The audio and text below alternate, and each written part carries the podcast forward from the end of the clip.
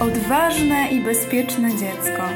Rozmowa na temat umiejętności społecznych prowadzona przez Łukasza Gutowskiego, psychologa społecznego i trenera TUS oraz Anię Rogalską, psychologa dziecięcego. Oboje z grupy Krokus. Miejsca rozwoju dziecka i rodziny krokuswaw.pl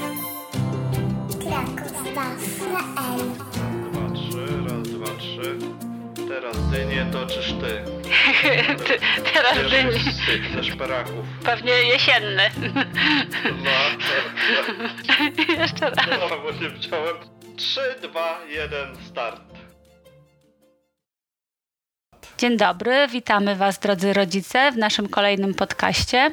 Dzień dobry. Nagrywamy ten podcast po to, żeby Was wesprzeć w nauce umiejętności społecznych Waszych dzieci. To jest tak, że rozbieranie na kroki, jak my to robimy na podstawie metody profesora Goldsteina, może się okazać zbyteczne, bo może się wydawać, że to są proste umiejętności, ale tu chodzi o to, żeby pokazać kolejne etapy, żeby w razie, nie wiem, jakiejś stresującej sytuacji można było do takich właśnie najprostszych, najbanalniejszych kroków dotrzeć i w takich stresujących czy jakichś cięższych sytuacjach je y, wykorzystać. Ta metoda została wielokrotnie przećwiczona, bo ona jest już od 70.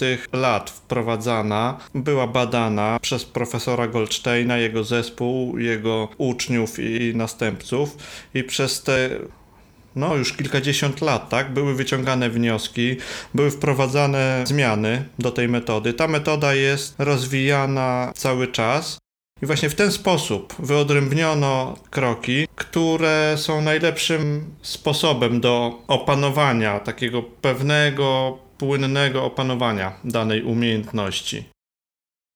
Aby te umiejętności dobrze przećwiczyć, to właśnie, żeby te kroki też weszły waszym dzieciom w nawyk, to dlatego tutaj w tej metodzie jest duży nacisk na odgrywanie scenek i też yy, używanie tych umiejętności w ten sposób, który się ćwiczy na zajęciach w praktyce. Metodą do opanowania tej umiejętności jest praktyka, czyli ciągłe ćwiczenie danych umiejętności, korzystając z kroków, czy za pomocą scenek, czy właśnie wykorzystując to w życiu realnym. Też się rodzi pytanie, kiedy one się mogą przydać. I mi ostatnio się przypomniało, że profesor Goldstein w jednej też ze swoich książek pokazał praktyczne wykorzystanie tych umiejętności do tego, aby odnaleźć się, no szeroko powiem tak, na rynku pracy. Te umiejętności przydają się w konkretnych sytuacjach życiowych i również w życiu dorosłym. Jeśli w młodym wieku człowiek nabędzie takich umiejętności, to po prostu będzie je miał, będzie mógł z nich korzystać w sytuacjach, kiedy będą mu potrzebne, na przykład w, w poszukiwaniu pracy.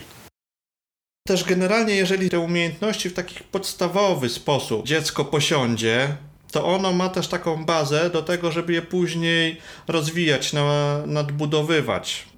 Do lepszego funkcjonowania i lepszej jakości życia. Wiemy o tym, że potrzebujemy ludzi, potrzebujemy być wśród ludzi i z nimi wiem, kontaktować się, funkcjonować i te umiejętności po to są. No właśnie. A co mamy na dziś?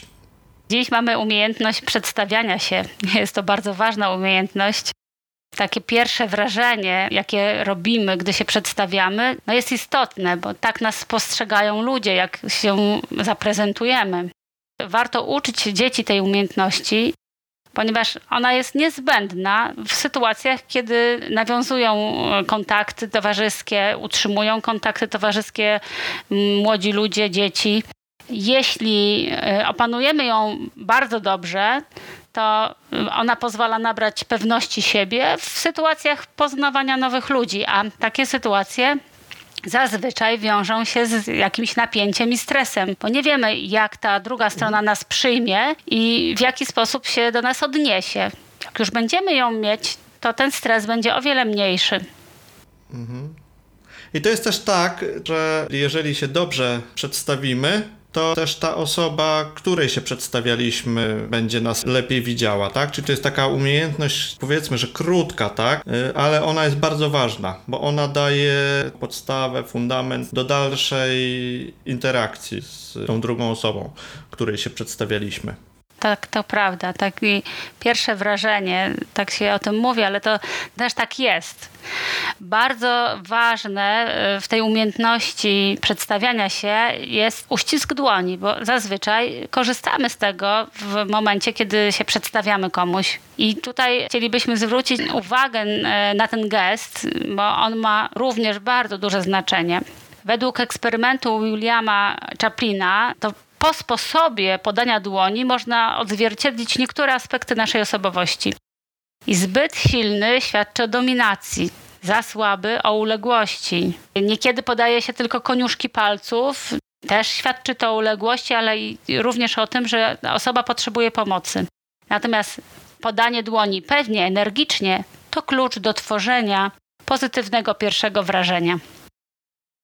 To jest też tak, że dzieci można nauczyć pewnego uścisku dłoni, ale tak jak, nie wiem, no ja obserwuję, to nie widzę przestrzeni, w której y, tego uścisku dłoni dzieci uczymy. Nie ma tego jako umiejętność, nie wiem, w szkole. Też się tak zastanawiam, czy my jako rodzice zwracamy na to uwagę, żeby nauczyć dziecko właśnie uścisku dłoni. I jak ja sobie przypominam skąd jakieś takie moje początki, tak, z podawaniem ręki. No, małym chłopakiem byłem, jak graliśmy w piłkę, tak, tam było tego sporo, to jakby stamtąd pamiętam. Rzeczywiście, bo tak naprawdę w, takim dorastaniu, procesie wychowania, to jak się witamy z dziećmi rano w domu, no to nie podajemy im dłoni, tylko po prostu mówimy do siebie jakieś tam przywitanie i mm, no nie ma takiej przestrzeni na to, żeby tego uczyć fizycznie. W szkole również zazwyczaj jest skłonienie głowy, powiedzenie dzień dobry, ale też dzieci z nauczycielami czy nauczyciele z dziećmi nie witają się za pomocą uścisku dłoni. Mhm.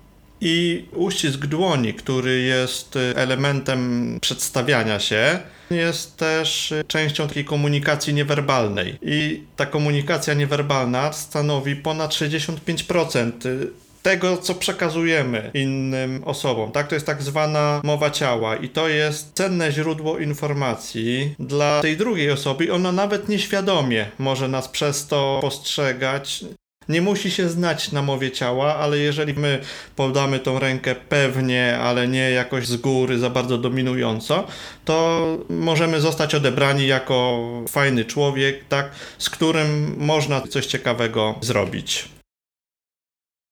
Tak, oprócz podania dłoni, w takim pierwszym kontakcie istotny jest kontakt wzrokowy, żeby patrzeć na osobę. Dzięki temu pokazujemy właśnie tym gestem, że zwracamy na niego uwagę i że w tym właśnie momencie jest on dla nas ważny. I całe ciało też powinno być zwrócone w kierunku tej osoby, z którą e, się witamy, czy której się przedstawiamy. Mowa ciała jest bardzo istotna. Właściwie nie słychać jej, bo nie brzmi, ale bardzo mocno wybrzmiewa e, w kontaktach międzyludzkich. I tak przechodząc dalej, konkretniej do tej naszej umiejętności, przedstawianie się. Kiedy nam ta umiejętność jest potrzebna? W jakich sytuacjach możemy ją stosować? Mamy tutaj trzy obszary. Tym pierwszym obszarem to jest szkoła. Ja podam jeden z wielu przykładów i sytuacji, w których można użyć tę umiejętność. Y, na przykład, jeśli w szkole pojawia się nowa nauczycielka, a ucznia nie było na pierwszej lekcji, którą ona prowadziła, może podejść do niej i się przedstawić. Drugim obszarem, tak to jest jedna z propozycji do przećwiczenia, wymyślenia scenki, jest obszar domu i tutaj dziecko może się przedstawić czy nowemu sąsiadowi, dorosłemu, tak, który jakbym poszedł w kierunku osób dorosłych, czyli żeby przedstawić się nowemu sąsiadowi, czy znajomym, którzy odwiedzili rodziców. I trzecim obszarem jest świat rówieśników. I tutaj, jeśli się pojawiają nowe osoby, na przykład w klasie, to taki człowiek, młody człowiek może podejść się przedstawić tej osobie nieznanej, tak, tej nowej koleżance lub koledze. Myślę też sobie, że taka nowa osoba w klasie może się czuć niepewnie, może mieć lęk i napięcie, więc jeśli ktoś wyjdzie do tej osoby, poda rękę i przedstawi się, to też pomoże mu wejść w nową grupę.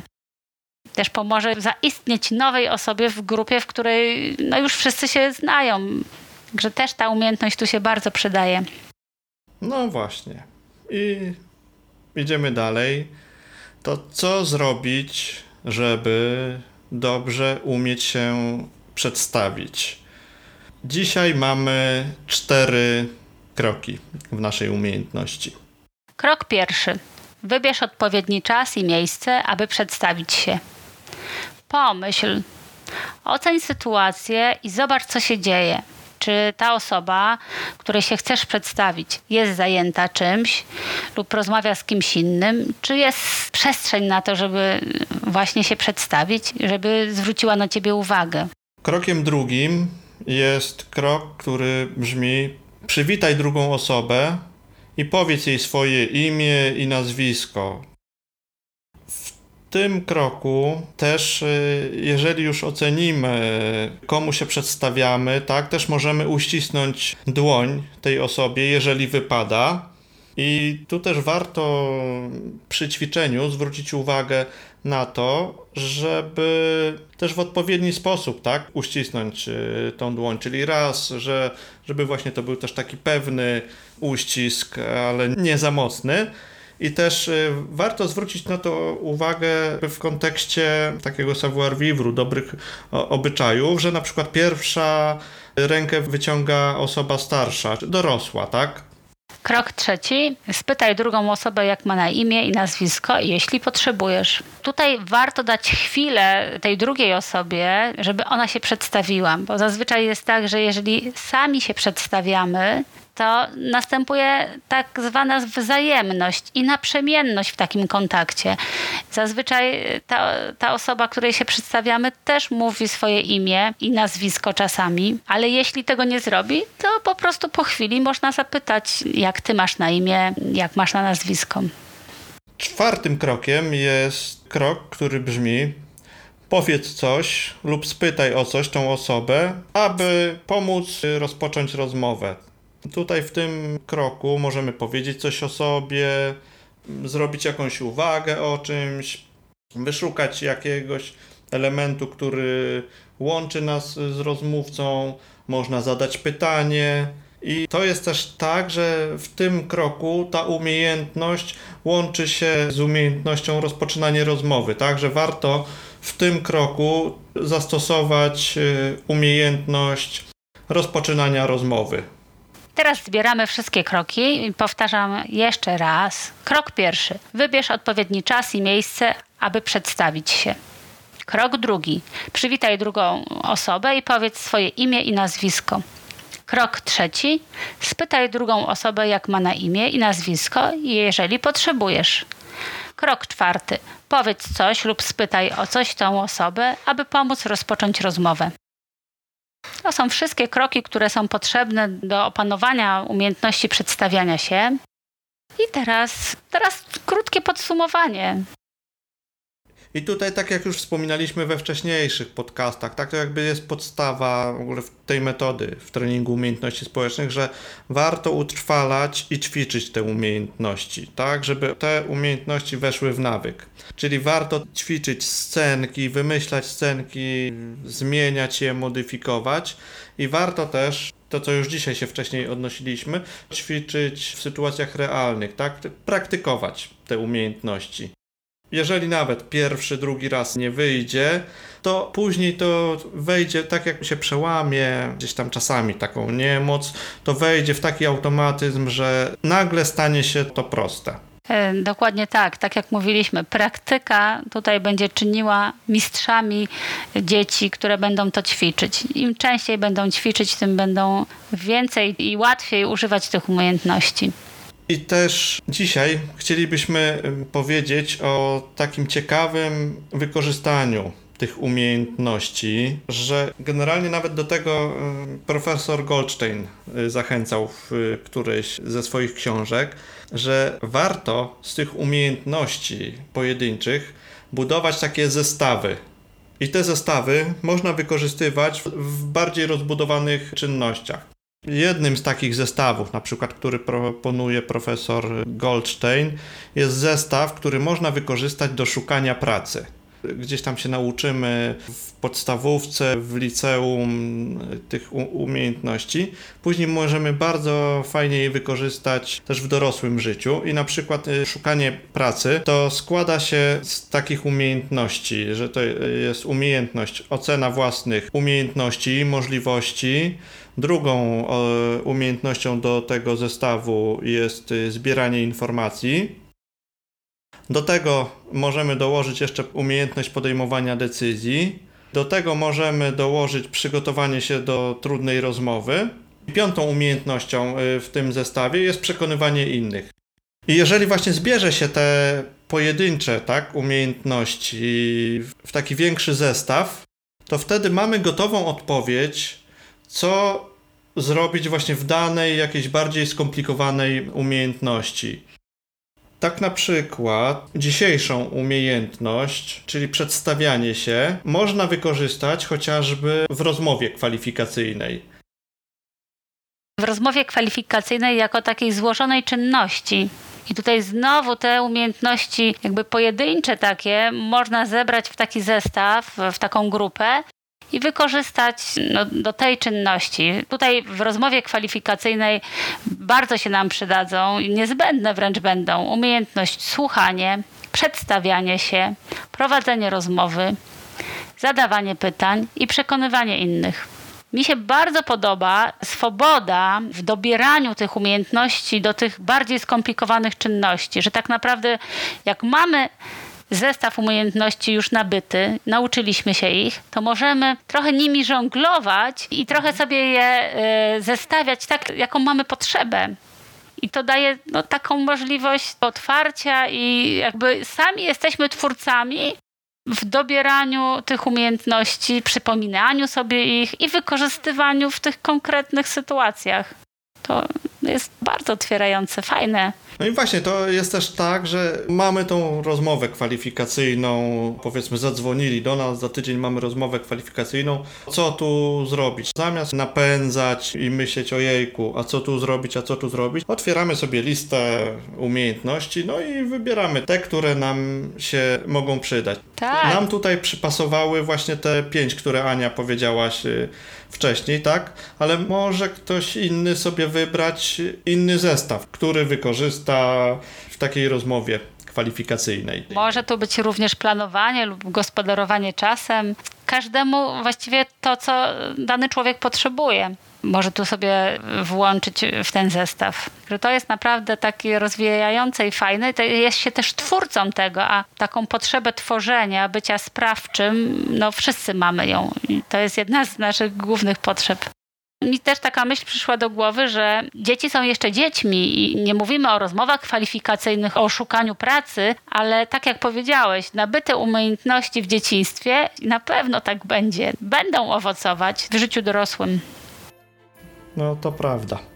I myślę, że. Przekończymy. Także, no, no właśnie. No. To w takim razie zapraszamy do ćwiczenia kolejnej umiejętności, powrotu do tych poprzednich naszych nagrań i do usłyszenia w kolejnym podcaście i do zobaczenia, miejmy nadzieję, na żywo. Tak, do usłyszenia w kolejnym podcaście i do zobaczenia na żywo. Taką mamy nadzieję. Na pewno kiedyś to będzie. Do widzenia, papa. Papa. Pa.